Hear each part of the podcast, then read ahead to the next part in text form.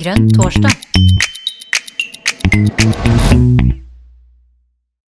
Velkommen til Grønn torsdag. I dag er Karina Ødegaard og jeg Jon Lurås i redaksjonen. Hva er temaet i dag, Karina?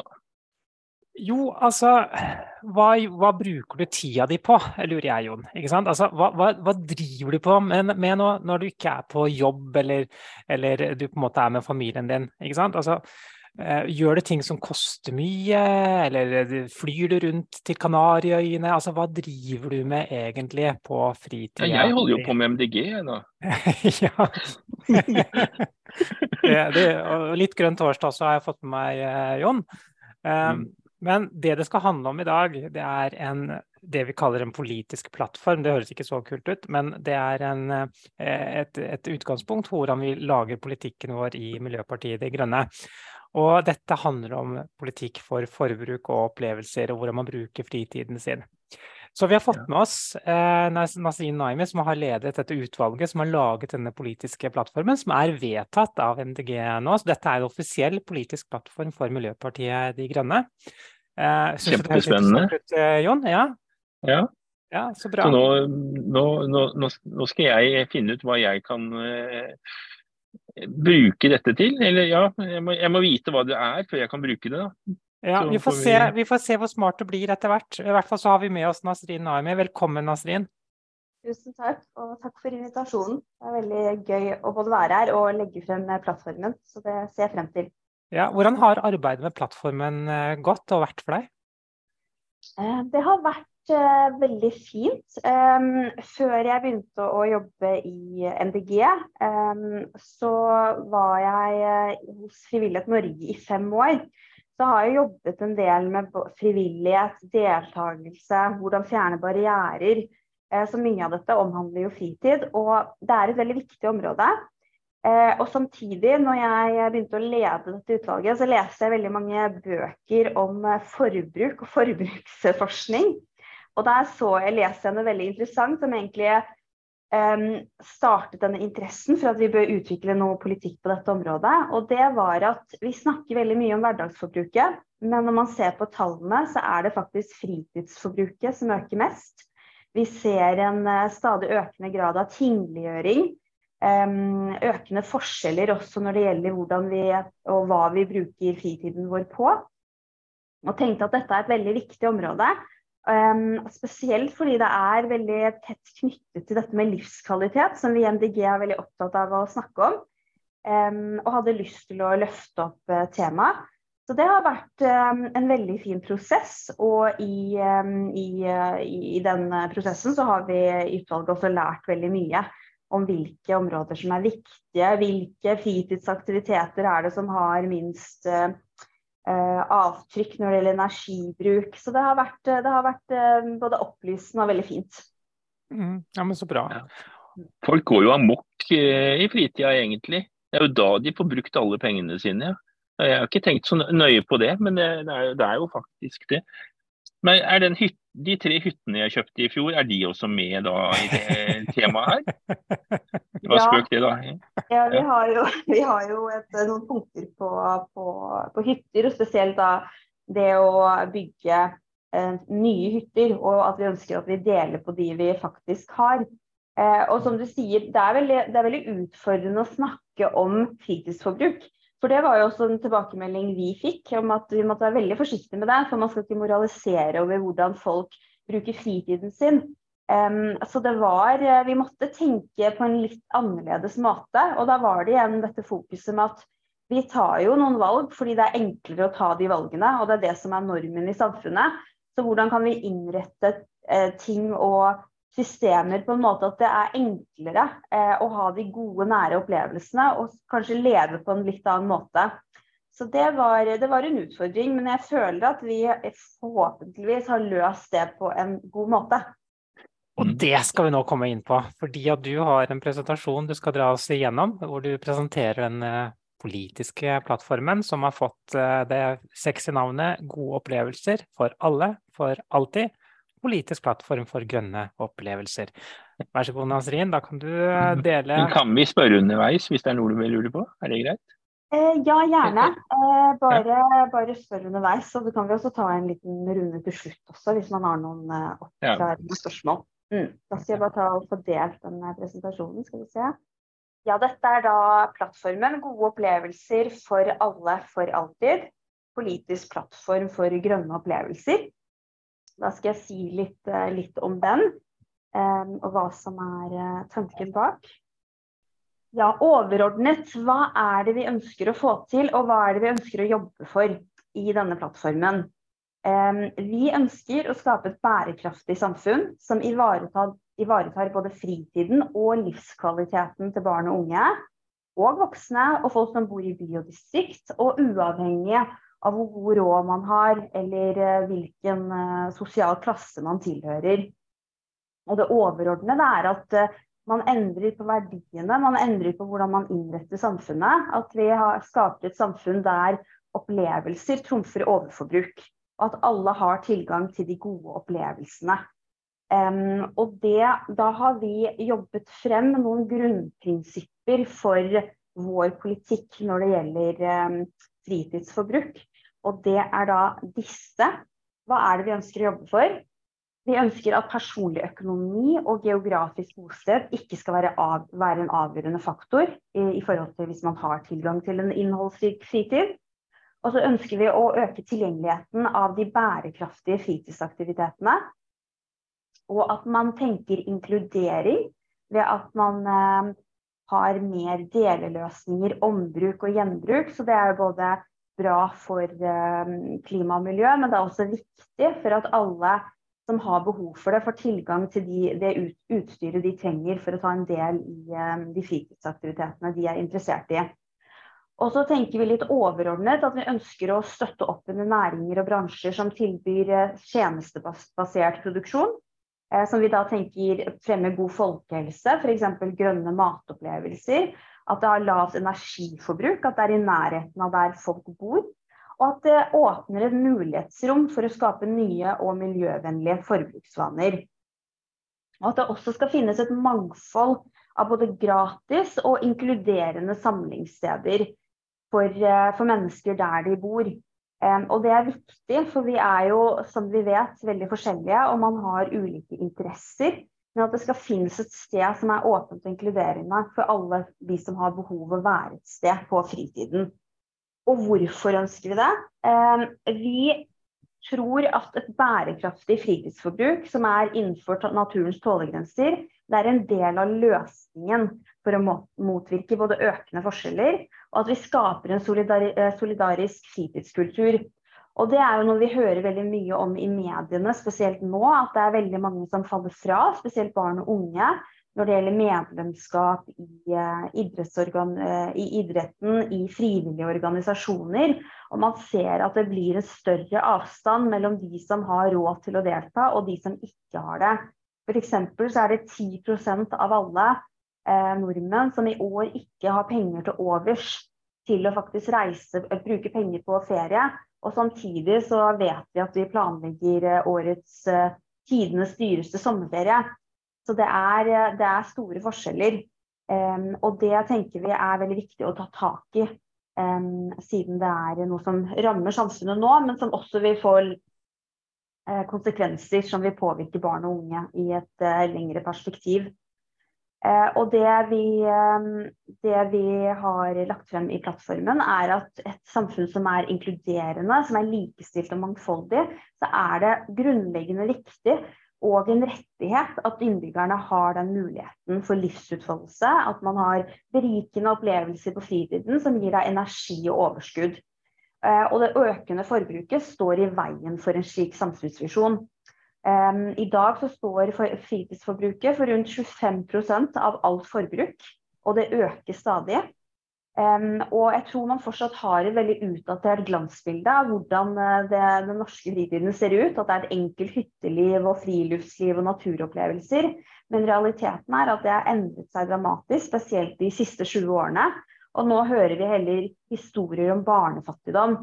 Og det vi tenker da er at løsningen er ikke at alle skal ha råd til å dra på tre sydenreiser i året, men heller at vi endrer rammene for hva hvordan en god fritid, en god helg eller en god ferie ser ut. Og det tenker jeg rommer alle i samfunnet, og må også inkludere både næringsliv, frivillige organisasjoner. At man tenker overordnet for hvordan vi skal løse en slik utfordring. Dette er sitat fra en rapport som Redd Barna publiserte i fjor som handlet om barnefattigdom og utenforskap. Og da hører man eh, den, det sitatet, eller det, den uttalelsen som gikk igjen og igjen, det var at alt koster penger. Um, så man tenker kanskje at barn og unge ikke er klar over det, men vi lever i et samfunn der vi blir veldig definert av det vi har og det vi har råd til. Og det er da det er folk klar over, og også de som er, eh, de som er unge. Og da var det, kunne man lese Eh, barn som forteller at de ikke kan være med på noe som helst, at det er altfor dyrt. Eh, de forteller at familien min har lite penger, jeg gjør nesten ikke noe på fritiden fordi jeg ikke har råd. Eh, og at vi ikke kunne være med, det er jo altfor dyrt. Så det er jo realiteten, og det er veldig trist. Og jeg tenker spesielt som et parti som er opptatt av solidaritet, så er det utrolig viktig at vi, at vi setter søkelys på dette her, på hvordan vi skal løse slike utfordringer. Nasrin, eh, den der formuleringen jeg, jeg, jeg, gjør nesten ikke noe fordi jeg ikke har råd. Jeg, på, det, det tenkte jeg om det. Eh, altså, jeg er jo vokst opp for ganske mange år siden, og da liksom eh, Jeg gjorde jo masse ting som ikke kosta noen ting. Men nå, nå, er vel som jeg var inne på fritid i dag eh, er vel definert til noe som koster noe, nesten. Det var vel egentlig det du sa. at Du kan du kan ikke gjøre noe hvis ikke det koster noe. Det er litt sånn rart, altså, det, syns jeg. da, Men det, det, er vel det som er blitt virkeligheten. da. Mm. Ja, altså, Det er et veldig viktig poeng. Jeg tror at um, Samfunnet har jo så endret seg, og jeg tror at man har eh, Det som er idealene, har endret seg. Og det kjenner jo folk på. Så jeg tror mm. realiteten er jo den samme i dag. Du kan ha mange gode, fine opplevelser. Um, men det er det vi, det vi, setter pris på, og det som regnes som en verdifull fritid, har blitt noe helt annet. Um, og da er det jo um, Det var en undersøkelse som var utført av uh, Nordea, hvis jeg husker riktig, der 40% av alle barnefamilier svarte at de kjenner på et press for å dra på ferie, slik at uh, barna skal ha noe å fortelle til vennene sine når eh, skolen eh, og hverdagen starter opp igjen. Så det er jo disse forventningene rundt.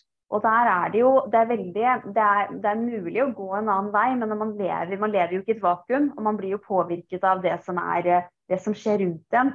Så det er derfor vi ønsker å ha det overordnede blikket på det. At det er, det er snakk om at hvis, hvis, folk skal ta andre valg, og hvis verdier skal endre seg, så må vi endre systemet. For det er jo slik vi har det er systemet som har gjort at det er eh, Vi har fått en slik utvikling som vi har fått nå. Da går jeg videre her. Ehm, hvilke tiltak og virkemidler legges frem i plattformen? Da er det tre overordnede temaer. Det første er et eh, nasjonalt løft for bibliotekene. Eh, det andre er ferie for alle. Og det siste er tilgjengelige fritidsarenaer, opplevelser og en sterk frivillighet. Da skal jeg si litt uh, mer om uh, de tre ulike områdene. Vi starter med et nasjonalt løft for bibliotekene. Bibliotekene er jo allerede en veldig viktig arena. Vi vet at rundt 58% av alle barn og unge bruker bibliotekene. Um, og i 2021 så var det over 15 millioner besøk på, på folkebibliotekene. Og det er jo helt enorme tall. Og spesielt for barn og unge som har minoritetsbakgrunn, så er tallene enda høyere. Da er det syv av ti. Eh, og det gjelder også for den voksne delen av befolkningen. Så dette er jo allerede, Folkebibliotekene er allerede en veldig viktig arena. Og da tenker jeg at dette er noe man kan utnytte. Eh, det er en møteplass der vi allerede treffer folk. Eh, og vi kan styrke den arenaen for å tilby noe mer. F.eks dette med utlån av eh, utstyr, at man etablerer utstyrssentraler i tilknytning til folkebibliotekene. Eh, og at man da har aktiviteter eh, knyttet til, til bibliotekene. Um, så det vi foreslår i denne delen, er at vi styrker folkebibliotekene som en arena for uh, fritid, kunst og kulturopplevelser. At vi inn, innfører en meråpen ordning med bibliotekkort på alle landets biblioteker. Og det er, ja? Kan du si noe om den meråpen-ordningen? Uh, det er vel ikke noe som vi er så vant til, vi som bor på bygda? Ja, det kan jeg si litt om. Det er en ordning at man, eh, at man har utvidede åpningstider. Som betyr at biblioteket ikke er betjent, men man kommer seg inn med bibliotekkortet sitt. Og at man har registrert seg for meråpent. Og så er det ofte så har de et samarbeid noe, med noe sikkerhet som eh, vekterselskap. At du har noen som stikker innom og sørger for at eh, at, eh, at, det er, at, det er, trygt og fint å være der. Så mm. da er biblioteket åpent, men du trenger da bibliotekkortet for å, for å delta. Mm. Eh, og det, det, løser jo på noen måter um, utfordringen med, med, midler til hvis det, det, koster jo noe å ha utvidede åpningstider, så da er dette en løsning som eh, koster kommunen litt mindre for å kunne holde åpent lengre. Mm. Um, og det vi også foreslår, er at man etablerer utstyrssentraler i tilknytning til uh, folkebibliotek. Uh, og at man kan samarbeide f.eks. med lokale attføringsbedrifter. Um, at man kan um, tilby utlån av utstyr, men kanskje også arrangere aktiviteter, aktiviteter, og turer. Slik at de som kanskje ikke er kjent med å bruke nærnaturen eller de lokale tilbudene, får en uh, en, en vei inn hvordan, for de opplevelsene. Og så det, er det et veldig godt utgangspunkt for samarbeid med frivillige organisasjoner. Så Det vil jo også styrke den lokale frivilligheten ved at innbyggerne får eh, kjennskap til eh, eh, lokale kulturtilbud og friluftsorganisasjoner som finnes i området. Og så er det et veldig viktig punkt at vi prøver å etablere praksis for innbyggermedvirkning. Det er jo et generelt viktig prinsipp. og og eh, bidrar til at man får et eierskap til eh, folkebiblioteket sitt, og at man bruker eh, innbyggerne til å utvikle folkebibliotekene videre, som jeg tenker er et veldig viktig, viktig moment i å, at det er et attraktivt tilbud. Og det kan jo skje på mange måter, i samarbeid med frivillighet, med kommunen, med skoler, barnehager, Nav um, og næringsliv. Så at man utvikler de tilbudene og aktivitetene som treffer ulike målgrupper, og at man møter det behovet som finnes i akkurat det lokalsamfunnet. Nasrin, vet, er det noen av disse punktene som noen kommuner allerede er godt i gang med? Jeg har jo hørt om sånn mer, opp, mer åpen ordning, f.eks. Det har jeg jo hørt på. Men, og utstyrssentraler er vel også noe som er litt rundt omkring. Men de er, altså, er det no, noen som er god på det på første punktet der, f.eks. For, for å få folkebibliotekene som en arena for rekreasjon, fritid, kunst og kulturopplevelser? Er det noen, som, noen kommuner som har vært flinke på det, som du vet om? Jeg tror det er veldig mange kommuner som er flinke på det. Og jeg tror disse punktene her er jo Det finnes sånn best case practice. Jeg tror spesielt i sentrale eh, steder og i byer så er det ganske vanlig. F.eks. den nye Eh, folkebiblioteket som har åpnet eh, like ved Lillestrøm, eh, Lillestrøm, stasjon, er veldig flinke på det. At du kan låne både lokaler, men at du kan også booke inn hovedscenen kostnadsfritt hvis du ønsker å ha, arrangere noe. At du ønsker å arrangere en debatt eller ha noe utstilling. Så jeg, jeg tror at um, der har det jo I Lillestrøm så har det vært litt sånn utfordringer med, med uh, unge Og liksom levekårsutfordringer. Og jeg tror også dette har vært et veldig viktig steg med at man prøver å få ungdommen inn i bibliotekene og skape den medvirkningen. Så jeg tror det finnes veldig mange slike eksempler på at det skjer, men jeg tror ikke det skjer nok. Eh, og jeg tenker mm. at dette bør egentlig være en standard som folkebibliotekene jobber etter. Um, det finnes jo allerede utstyrs, utstyrssentraler i tilknytning til folkebibliotek, men at vi utvider denne ordningen, og at det er et mål som man uh, jobber etter. Ja, da har vi kommet til den neste delen, som er ferie for alle. Og det vi ønsker, er at flere skal velge bort både kostbare og forurensende flyreiser. Og da, her er det veldig viktig perspektiv med at um, med solidaritet, at vi ønsker at alle skal ha tilgang til å ha en god ferie.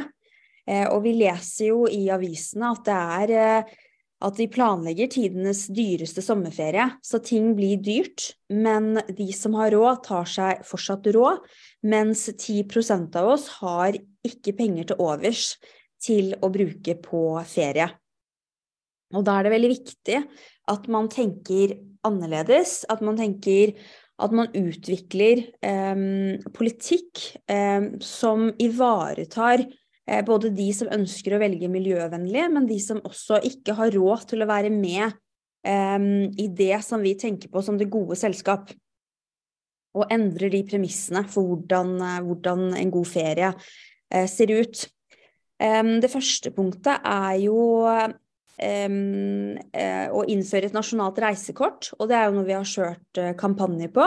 Da er det til 499 for voksne og 249 for barn og unge. Så det gjør jo at man, eh, at man reduserer den økonomiske byrden hvis man har lyst til å reise i landet, innenlands og fortsatt kunne, kunne, se nye steder uten at det koster altfor mye. Og at man også får mulighet til å delta på fritidsaktiviteter i nærområdene som man kanskje ikke har utforsket tidligere. Og så tenker vi at uh, det er viktig å tenke i to veibaner. Vi, det er ofte de voksne som setter premissene for hvordan en ferie ser ut, og det er der ofte forventningene er. Og, uh, og det er veldig viktig at, at vi at det bærekraftige eh, ferie- og fritidstilbudet klarer å, å konkurrere eh, med det konvensjonelle. Så det vi har foreslått, er at man utvikler en tilskuddsordning for både frivillige organisasjoner og bedrifter som ønsker å utvikle et slikt tilbud.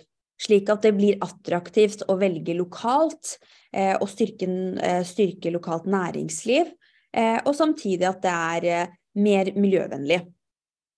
Og så har vi også foreslått at vi øker skattefritaket for utleie hytter fra 10 000 til 50 000. Det er jo et veldig viktig insentiv, spesielt i disse um, i den dyrtiden som vi lever gjennom nå. Uh, og så vil det skape en mye større utleiemarked for uh, hytter. Så dette er jo bæring, bærekraftig delingsøkonomi som vi er opptatt av overordnet når det gjelder uh, næringspolitikken vår. og samtidig så foreslår vi at man øker formuesverdien på hytter og fritidsboliger eh, til 90% slik at man unngår at det blir mer lønnsomt å bygge, bygge nytt. Så har vi et punkt på et landsdekkende nett av sykkelveier, som man kan da kombinere med at man har et statlig prosjekt for eh, tilrettelegging av sykkelturer fra togstasjoner, slik at det blir enkelt å velge velge miljøvennlig. og til slutt at vi samarbeider tett med frivilligheten for de barn og unge som har behov for et tilbud akkurat nå. At vi tilrettelegger for gratis ferieaktiviteter, og at vi tilgjengeliggjør flere offentlige eiendommer og hytter for utleie til både frivilligheten og til familier som har behov for det. Det siste punktet er tilgjengelige fritidsarenaer, opplevelser og en sterk frivillighet. vi vet at selv om eh, fritidsforbruket er det som øker mest, så er det også den arenaen i livene våre der vi har overskudd. Så her kan man, eh, har man har man mulighet til å oppleve noe nytt. Det kan legge grunnlaget for nye og gode vaner som man kan ta med seg videre i, i, i, hverdag, i hverdagen. Så det vi har foreslått her, er litt overordnet når det gjelder både fritid, frivillighet, idrett. Eh, det første punktet er at vi satser på sambruk av idrettslag. Eh, nei, idrettsanlegg, mener jeg. Det er jo ofte mye diskusjoner rundt dette, spesielt på lokalt nivå, i forhold til hvor mye, hvor mye areal man skal bygge, bruke på å bygge nye anlegg. Og det er jo ofte noe også frivilligheten og idretten er veldig opptatt av. Eh, og da tenker vi at vi må tenke nytt. At vi ser at fra andre land, f.eks. Sverige, at eh, hvis man koordinerer innretningen, så kan det bidra til at hvis man bygger litt større, men at man dermed også rommer flere idrettsgrener i ett bygg, så kan det bidra til at man har et lavere arealforbruk overordnet, og veldig mange andre mm, løsninger, som f.eks. energieffektivisering, at man satser mer på ett stort bygg. Eh, og det tenker vi er, en, er, en, er viktig, eh, for vi ser at det er mangel på anlegg, så vi må tenke på hvordan kan vi bruke de anleggene vi allerede har, eller er i prosessen med å bygge, på en smartere måte. Um, og så er vi veldig opptatt av at vi ønsker å utvikle um, både nasjonal strategi og en tilskuddsordning for å gi veiledning og økonomisk støtte uh, til kommuner som ønsker å utvikle et ombrukskonsept. Det har vært litt sånn mange fine artikler om dette, at det er veldig mange kommuner som da eh, lanserer eller uh, lanserer um, kjøpesentre der alt er brukt. Uh, og jeg tenker med den med det høye forbruket vi har, så er det jo så er det et grobunn for at det kan bli, en, eh, det kan bli et veldig eh, viktig eh, konsept. Som gjør at selv om man trenger nytt, så er det enklere å velge, velge brukt. Og da har man et særskilt fokus på fritidsutstyr, og spesielt elektronisk utstyr. For vi ser jo at det er en veldig høy grad av utskiftning av elektronisk utstyr, så der er det et uh, veldig stort behov. Og også da tekstiler, eh, møbler og reparasjonstjenester, så at det blir et slett lite et, eh, et, samlingssted der man kan, eh, der man kan samle disse bærekraftige tjenestene. Og da tenker vi at spesielt fylkeskommunene har en viktig rolle, både som tilrettelegger um, for å utvikle disse felles møteplassene, slik at frivillige organisasjoner og eh, sosiale entreprenørskap og næringsliv kan, eh, kan eh, møte hverandre, og også at de har ansvar for eh, forvaltningen av en slik tilskuddsordning. Og så har vi også et punkt på at vi ønsker i større grad å tilgjengeliggjøre offentlige lokaler og samlingsarenaer for økt bruk til kultur, idrett og fritid. Og det vet vi at frivilligheten er veldig opptatt av, så vi trenger gode og enkle systemer på det. Eh, og at det også blir enklere for privatpersoner, eh, i tillegg til organisasjoner, å leie og bruke idrettshaller, slik at man tilrettelegger for den uorganiserte frivilligheten, som er veldig viktig, spesielt i en tid der vi ser en eh, reduksjon i antall medlemskap, og at folk har mindre, og, mindre penger å bruke. ja, hva er det vi ønsker å løfte frem? Jeg liker å kalle dette her for en pakke for grønn omstilling i folks fritid.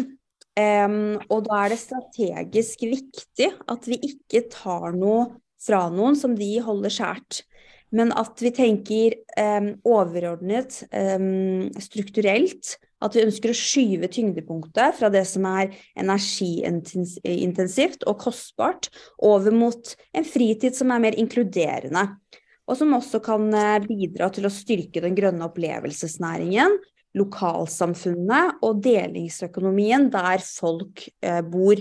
Og som jeg også tror kan bidra til å endre holdninger eh, for hvordan delingsøkonomi kan se ut, og hvordan en inkluderende fritid kan eh, se ut. Eh, og plattformen er, som jeg har nevnt tidligere, det er fundert på funn fra forbruksforskning som viser at det er en stor økning i fritidsforbruket, og dermed er det viktig at vi tar tak i det. Og samtidig, når man, eh, når man ser på, eh, på, funn fra forbruksforskningen, så ser man at tiltak Vi snakker ofte de som vil redusere forbruket, og eh, versus teknologioptimistene. og der er det fordeler og ulemper.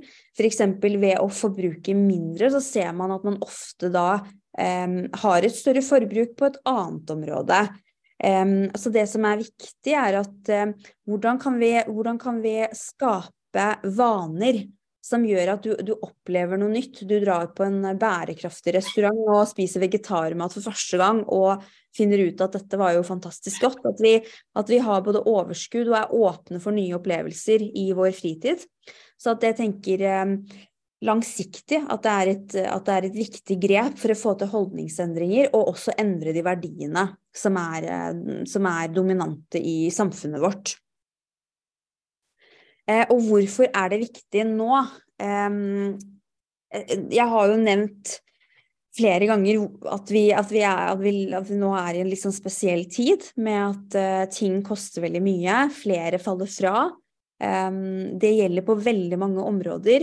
Um, både at vi ser at man uh, at det er en økning i, uh, i salg av linser og bønner, og, fordi man ikke har råd til å kjøpe kjøtt. Vi ser at man at, ikke, at, det er en nedgang i, i, antall medlemskap i frivillige organisasjoner og idretten, for det koster for mye. Så er, vi lever i en tid der, der det er det fins rom og muligheter for å både fremme det gode, grønne samfunnet som vi ofte snakker om, um, og at det også ivaretar um, det, det, sosiale perspektivet og solidaritetsprinsippet om at fritiden skal være for alle. Eh, og det skal gi mestring og selvtillit, og ikke bekymringer. Og så er det veldig Jeg tenker det er en veldig viktig tidspunkt før et uh, fylkestings- og lokalvalg at vi viser for velgerne at vi, at, vi er, at vi, er, opptatt av de ulikhetene som finnes i samfunnet, og spesielt rammer barn og unge eh, veldig hardt og at det går an å organisere samfunnet og lokalsamfunnet på en måte som gjør at, eh, at, alle kan ha en givende fritid, selv om man kanskje ikke har råd til å reise bort eh, i sommeren. Og så er det et eh, langsiktig, langsiktig, fokus og arbeid med at vi ønsker å endre de verdiene som ligger, ligger til grunn for hvordan en meningsfull fritid ser ut. Eh, og det tenker jeg at man, at man, har den samtalen, at man løfter denne tematikken, det tror jeg både kan mobilisere veldig mange mennesker, og at det vil skape håp. Um, og at, at, mange som sliter, føler at vi er, med, vi er med dem, og ønsker å både gjøre fritiden deres bedre, men også at man ønsker å endre den samtalen om hvordan vi, hvordan vi lever livene våre, og hvordan vi hva som er en verdifull fritid, og det tenker jeg er veldig viktig. Eh, og vi pleier å si at eh, i lokale i lokalvalgene så er det det som er, det som er nært, er det store. Og da tenker jeg det, det er en viktig tid, eh, og en god tid å løfte, eh, løfte fritidsforbruket. Og det var også en av grunnene til at vi i utvalget valgte å jobbe med det akkurat nå. Så det var det jeg hadde eh, når det gjaldt eh, presentasjonen min. Men eh, vi kan gjerne åpne opp for eh, spørsmål eller andre typer refleksjoner hvis dere, hvis dere har det.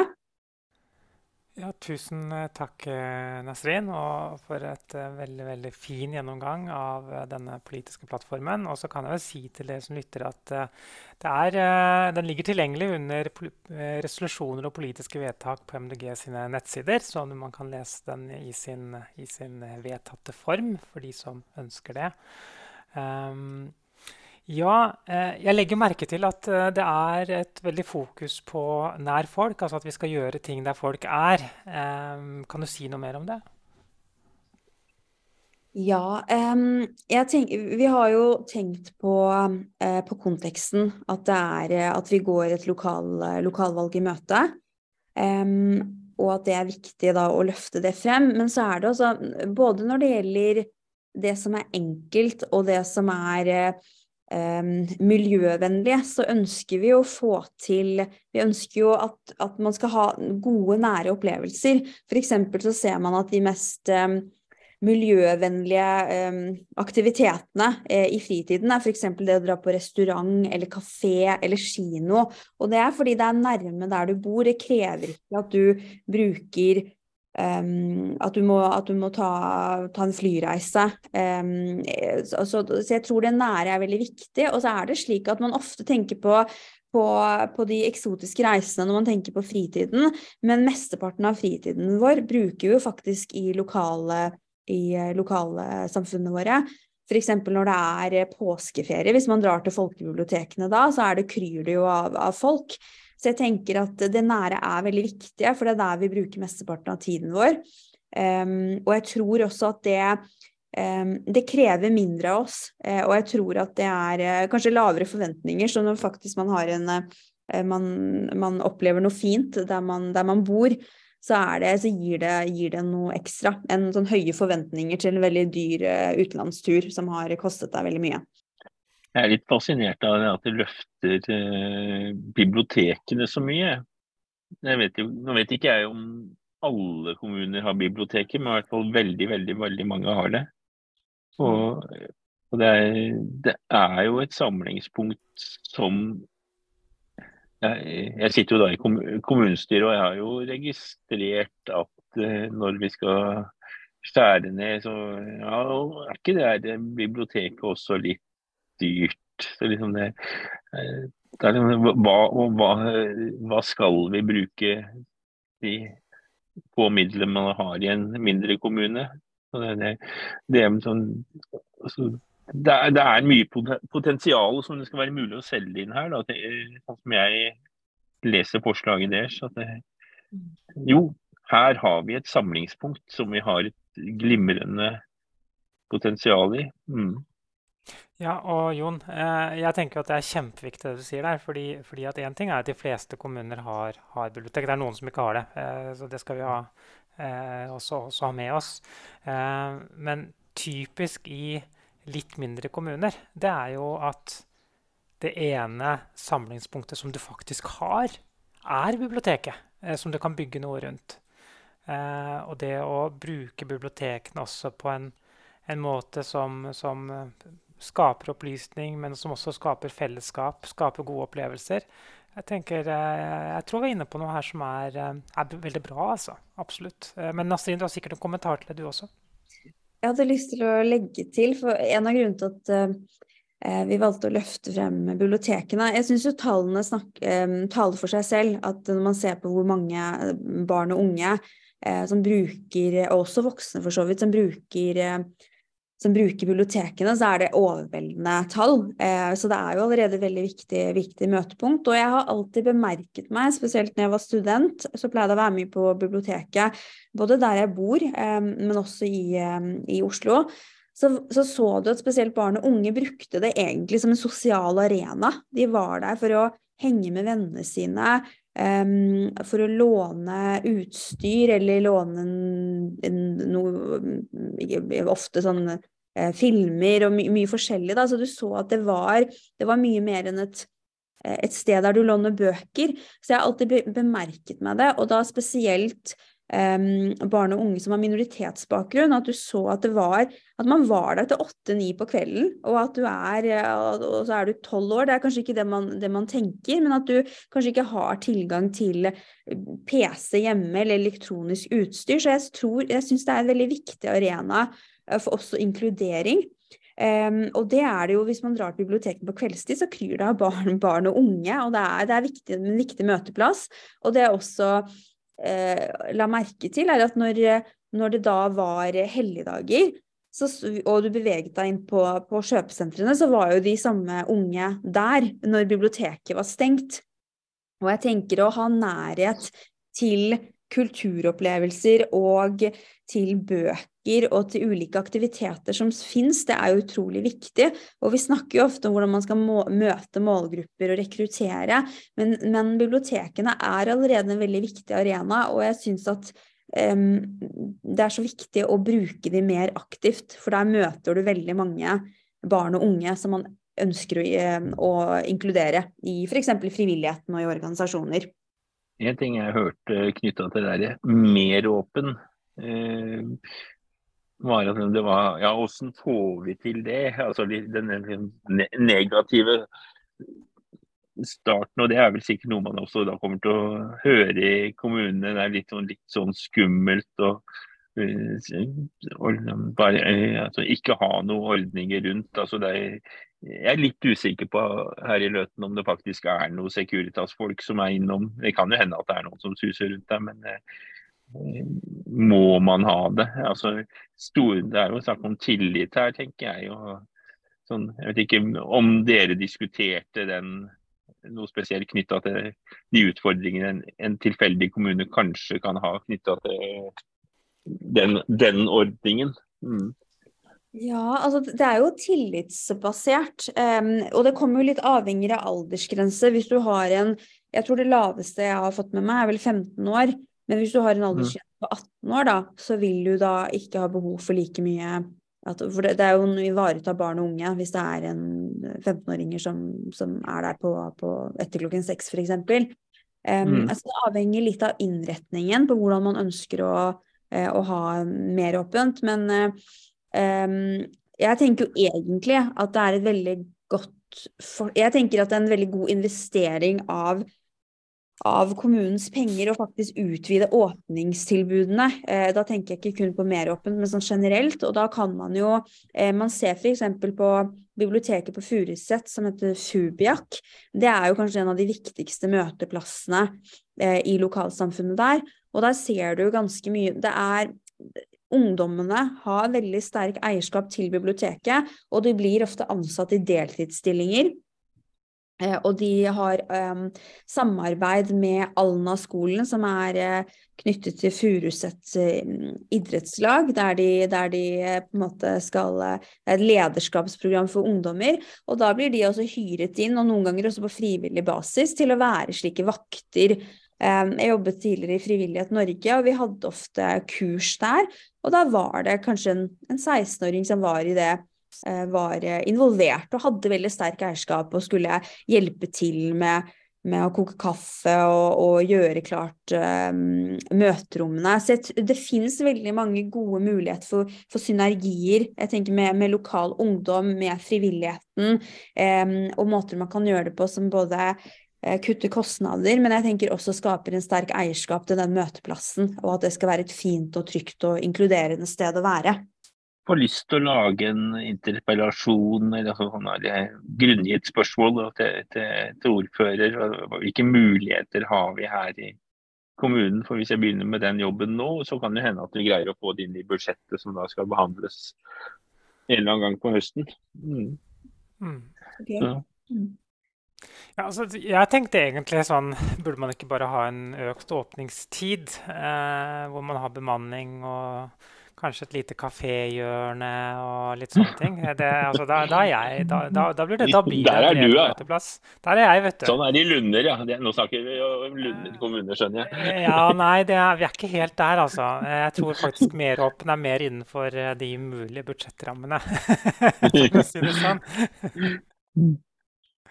Så, men, men rent sånn personlig så skulle jeg gjerne gjerne, gjerne hatt det som, som, reell åpningstid. Eh, fordi det, mm. det, det, er en annen kvalitet over det når det er faktisk bemannet. Mm. Mm. Jeg kan jo legge til at uh, jeg studerte i England, og der har man jo de, uh, den møteplassen som folkebibliotekene er i Norge. Der har du jo um, um, um, bok, bokhandlere som heller tar den rollen. Og så har du ofte en koselig kafé og sofaer, og det er et veldig fint sted å henge. Og hvis man har råd til det, så er jo det fantastisk. Og du ser jo også at det er et visst segment av befolkningen som benytter seg av det tilbudet. Og det er også en, en møteplass, selv om det er en butikk. Og det er jo litt sånn synd, fordi da da, jo, da, møter du de som på en måte allerede er interessert i litteratur og i kunst- og kulturopplevelser. Men jeg syns det så fine med folkebibliotekene er nettopp at det er for folket, og at det er åpent. Um, og jeg tenker, jeg er også veldig glad i og disse kaféhjørnene. og det gjør at man har lyst til å tilbringe tid der. Og jeg tenker det der mangfoldet av folk som er på folkebibliotekene, er også litt spesielt. At du har eh, damer på, på, på, over 70, du har ungdommer, du har altså folk i alle slags ulike livsfaser. Jeg tror det er eh, viktig å ha de møteplassene. Ja, absolutt. Helt enig. altså. Det er uh, veldig veldig nyttig å ha de møteplassene. Og, og vi trenger møteplasser. Altså, og det er det som på en måte fyller fritiden med noe mening også, når du har gode møteplasser som, uh, hvor du kan ha aktiviteter uh, som er lavterskel, tenker jeg. og når det gjelder restauranter, da, siden vi var inne på Lunde kommune, det er jo ikke akkurat flust med restauranter i Lunder kommune. Vi har et par kroer. Og så, er det jo blitt et sted nå som har litt restaurantkvalitet. Da. Det skal de ha. Veldig god mat, by the way. Og de heter noe som, som Gamle Oppland eller noe sånt. Så det er en liten hyllest der til, til en, halvparten av Innlandet, Jon. Um, så Ja. Det er litt rart med gamle, gamle Oppland når det er i Akershus eller Viken som det er nå. Det er, eh, ja, men husk at, eh, husk at Hadeland vet, det er jo egentlig en del av det opprinnelige Oppland. Så, så at man har drivet og skifta på noen grenser. Eh, og for øvrig så er det jo en del av Vest-Oppland sånn rent eh, regionsmessig. Så ikke mm. kom her. Du, du, var inne på bokhandler. Nasrin. På Hamar så er det en bokhandel som virkelig har fått det, det der med, med kafé. Der, der er det ofte veldig fullt. Og da er det, det er både en del der man sitter liksom sånn i en vanlig kafé, og så er det like mange eh, sitteplasser innimellom bokreolene og, og sånn. Det er kjempespennende. Kan, absolutt et sted å dra til for inspirasjon og treffe hyggelige folk. Og, mm, Gravdal heter den. Men eh, jeg kan jo legge til at um, jeg har valgt et utvalg av, av um, av kulepunktene fra, fra, plattformen. Så hvis eh, jeg oppfordrer, som eh, Karina også nevnte i sted, at man eh, logger seg inn og leser hele plattformen, for da er det veldig mange ulike punkter hvis man, hvis man er nysgjerrig på den. Mm. Men Astrid, nå er det sånn, nå, nå, nærmer vi oss, altså nå er det vår. Vi, er det, vi har fått sommertid på klokka. Eh, vi begynner å kjenne på, på mm. at, at, eh, det blir liksom vårvibrasjoner. De som, eh, de som har litt sånn pollenutfordringer og sånn, har kanskje begynt å kjenne litt på det, de også. Og det er jo et veldig veldig godt uh, vårtegn. Og så nærmer vi oss denne sommeren, da. ikke sant? Og uh, folk skal jo ha ferie i sommer. Ehm, hvordan, hvordan, skal vi ta ferie på en måte som gjør at vi, vi gjør dette på en god måte? Tenker du overordnet, eller på oss som Nei, jeg tenker mer overordnet i utgangspunktet, men du kan, du kan, godt snakke om dine egne ferieplaner hvis du vil det, Nasmin. Jeg har ikke lagt igjen ennå, så jeg har litt for tidlig. Altså, det er jo Jeg tenker jo at det, vi, vi, ønsker jo å endre hvordan vi, hvordan vi eh, organiserer samfunnet. Det tar jo litt tid. Men det finnes jo Jeg tenker dette med å reise innenlands, selv om eh, dette reisekortet ikke er en realitet. At man prøver å oppdage andre steder i landet. Men jeg tenker spesielt i nærområdene. Jeg tror det er mye fint, sånn kanskje en halvtime, en time unna der man bor. At man tenker at jeg har lyst til å utforske eh, en by som ikke er altfor langt unna. At man har lager en liste med restauranter man ikke har besøkt ennå, som man har lyst til å oppleve. Um, det er jo Ja, jeg er veldig glad i å lage en liste over bøker jeg skal lese, og da er det jo, har det ikke så mye å si om jeg leser den boka um, i Roma eller Lillestrøm. Altså, hvis det er fint vær og du benytter deg av grøntområdene. Så jeg, jeg tenker at, eh, at, man tenker Det er jo som, som, som ble nevnt i, i stad, at det er eh, det nære som er viktig, og at man skal prøve å utforske det som, det som fins i uh, nær, Ja, uh, som, som fins uh, i nærheten. Og så tenker jeg sånn overordnet, hvis man tenker at man vil redusere sitt fotavtrykk, så er det jo mange måter å gjøre det på hvis man skal At man tar en togreise um, istedenfor å fly, eller at man Jeg tenker at de det er jo et personlig valg, men at man gradvis tenker, tenker litt over hvordan kan jeg gjøre ting på en annen måte. Har du alltid flydd, kanskje du skal prøve å fly ned og heller ta tog til en annen storby. Der er det ofte veldig god, god forbindelse når du drar ned til eh, fastlands-Europa. Så jeg tenker at, eh, at, man prøver å tenke litt nytt og utfordre seg selv. Um, men også kanskje sette pris på de opplevelsene som finnes i, i nærheten. Um, ja. Du kan jo sykle ned til Nordre Øyeren og, og, gå på Årnestangen. Det er veld, veldig bra. Det er veldig... Har du prøvd det? Det er vel også i din Nei, det er kanskje i Rælingen, det. Ja. Du bor i Lillestrøm, ikke Ja, men det har jeg ikke gjort. Men det, det var jo et uh, godt, uh, godt, tips. Altså, jeg er jo veldig glad i å gå i uh, olivenlunder, så jeg lurer på, kjenner du til noen olivenlunder i nærheten som jeg kan gå til? jeg tror det.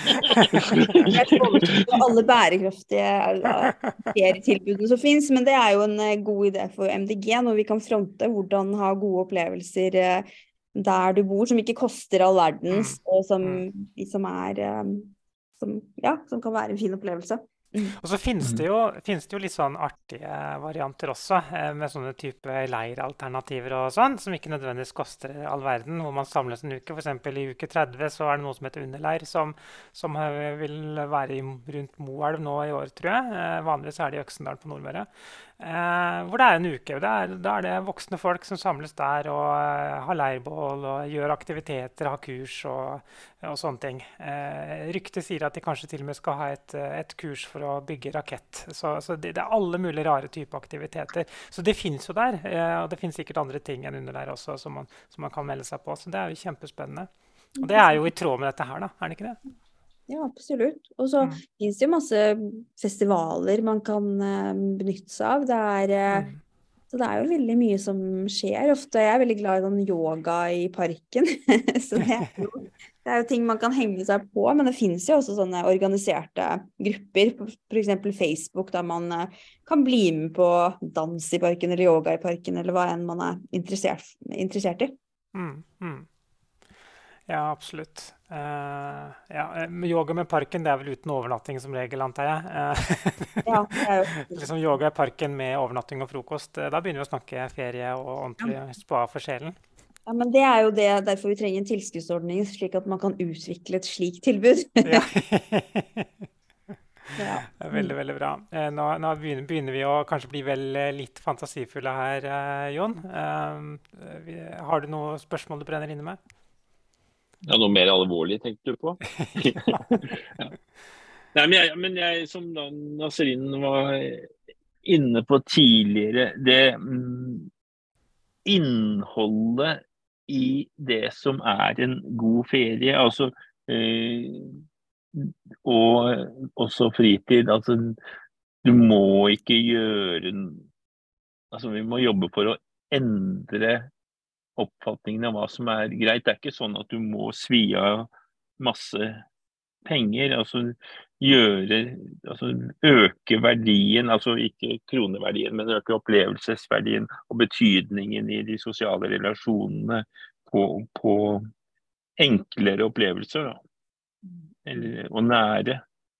Altså, det er ikke sånn at man absolutt må ha de siste, den siste sykkelen og, og, for å da kunne trykke, tråkke inn til høyeste fjell, fjellstien og alt mulig sånn som det, det, er, det, er, jo, som du har vært inne på, at det er et uh, det er noen utfordringer i sånn som vi driver på med fritida vår i dag. og Når du sier 25 av uh, ressursene våre bruker vi på fritida, var det det? Mm. Jeg tipper jo det. Nå har ikke jeg sett hvordan disse tallene har utvikla seg, men det er vel ganske store endringer i løpet av de siste 50 åra, tenker jeg. Dramatisk. Mm. Det har vært en ganske stor endring siden 2000, eh, starten av 2000-tallet. Ja, også bare de siste 20 åra. jeg også. Mm. Veldig dramatisk der. Men jeg kan jo Jeg tenker det som er viktig når man snakker om hva som, disse idealene og hva vi, hva vi verdsetter, da, så tenker jeg at det er jo det man sier at ved at noen er modig, så blir andre også modige. Og jeg tror veldig mange kjenner på det vi snakker om, at man faktisk egentlig ikke har behov um, for, å, for veldig kostbare ferier eller ting for å ha en god fritid, men det er noe med at det er normen og det er forventningene. Så jeg tenker også at det er strategisk viktig og fint for MDG å faktisk eh, markere seg på, på, dette, på, dette, politikkområdet ved at noen mm. sier dette høyt, at det er eh, faktisk slik at det har en verdi at vi, at vi på en måte at vi, at vi, prøver å løfte frem andre idealer for hvordan fritiden vår skal se ut, at vi gjør det enklere å velge um, på en måte som gjør at vi får et litt mer solidarisk samfunn. Um, så det er jo um, Det tenker jeg er viktig, både jeg tenker sånn i forhold til verdier og prinsipper, men også sånn i forhold til strategisk, tenker jeg at det er et viktig område også å markere seg på, spesielt nå før sommerferien, der veldig mange er opptatt av denne tematikken. Mm. Det er veldig bra. Eh, er vi da egentlig Nei, utlært er vi vel ikke, Karina, men eh, Nei, utlært, ut, utlært er å dra det litt langt, kanskje. Men vi har blitt litt smartere på, på en eh, plattform som handler om eh, hvordan vi bruker fritida vår. Og at det handler om å skape gode, grønne opplevelser for alle, for mm. alltid. For å eh, si det litt på MDG-skvis. Ja. Mm. Og det er eh, Jeg har i hvert fall fått flere konkrete tanker på hvordan jeg, jeg kan prøve å løfte den her lokalt. Og det håper jeg jo da også andre som da hører, hører, hører og ser denne sendinga, også da får. For det er, det er, masse muligheter her. Og det er jo det som er poenget med en sånn plattform. Få folk til å tenke og uh, komme med andre, uh, andre, konkrete ting. Og, sånn. og så håper jeg at vi da, de som kommer med andre ting, også da deler det på en eller annen måte med resten av partiet. Mm. Ja, og, det, og, da har jo vi en oppfordring til de som ser eller hører dette. Og det er mm. Har du en god idé på hvordan vi kan skape de gode og nære opplevelsene, så send den til oss. Så kanskje vi kan gjøre noe morsomt ut av det. Mm. Da skal vi ta kvelden.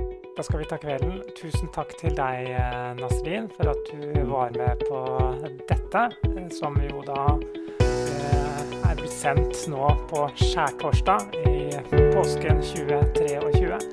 Så eh, får du ha en fortsatt nydelig påske. Tusen takk, og veldig, veldig glad for at jeg fikk muligheten til å komme hit og legge det.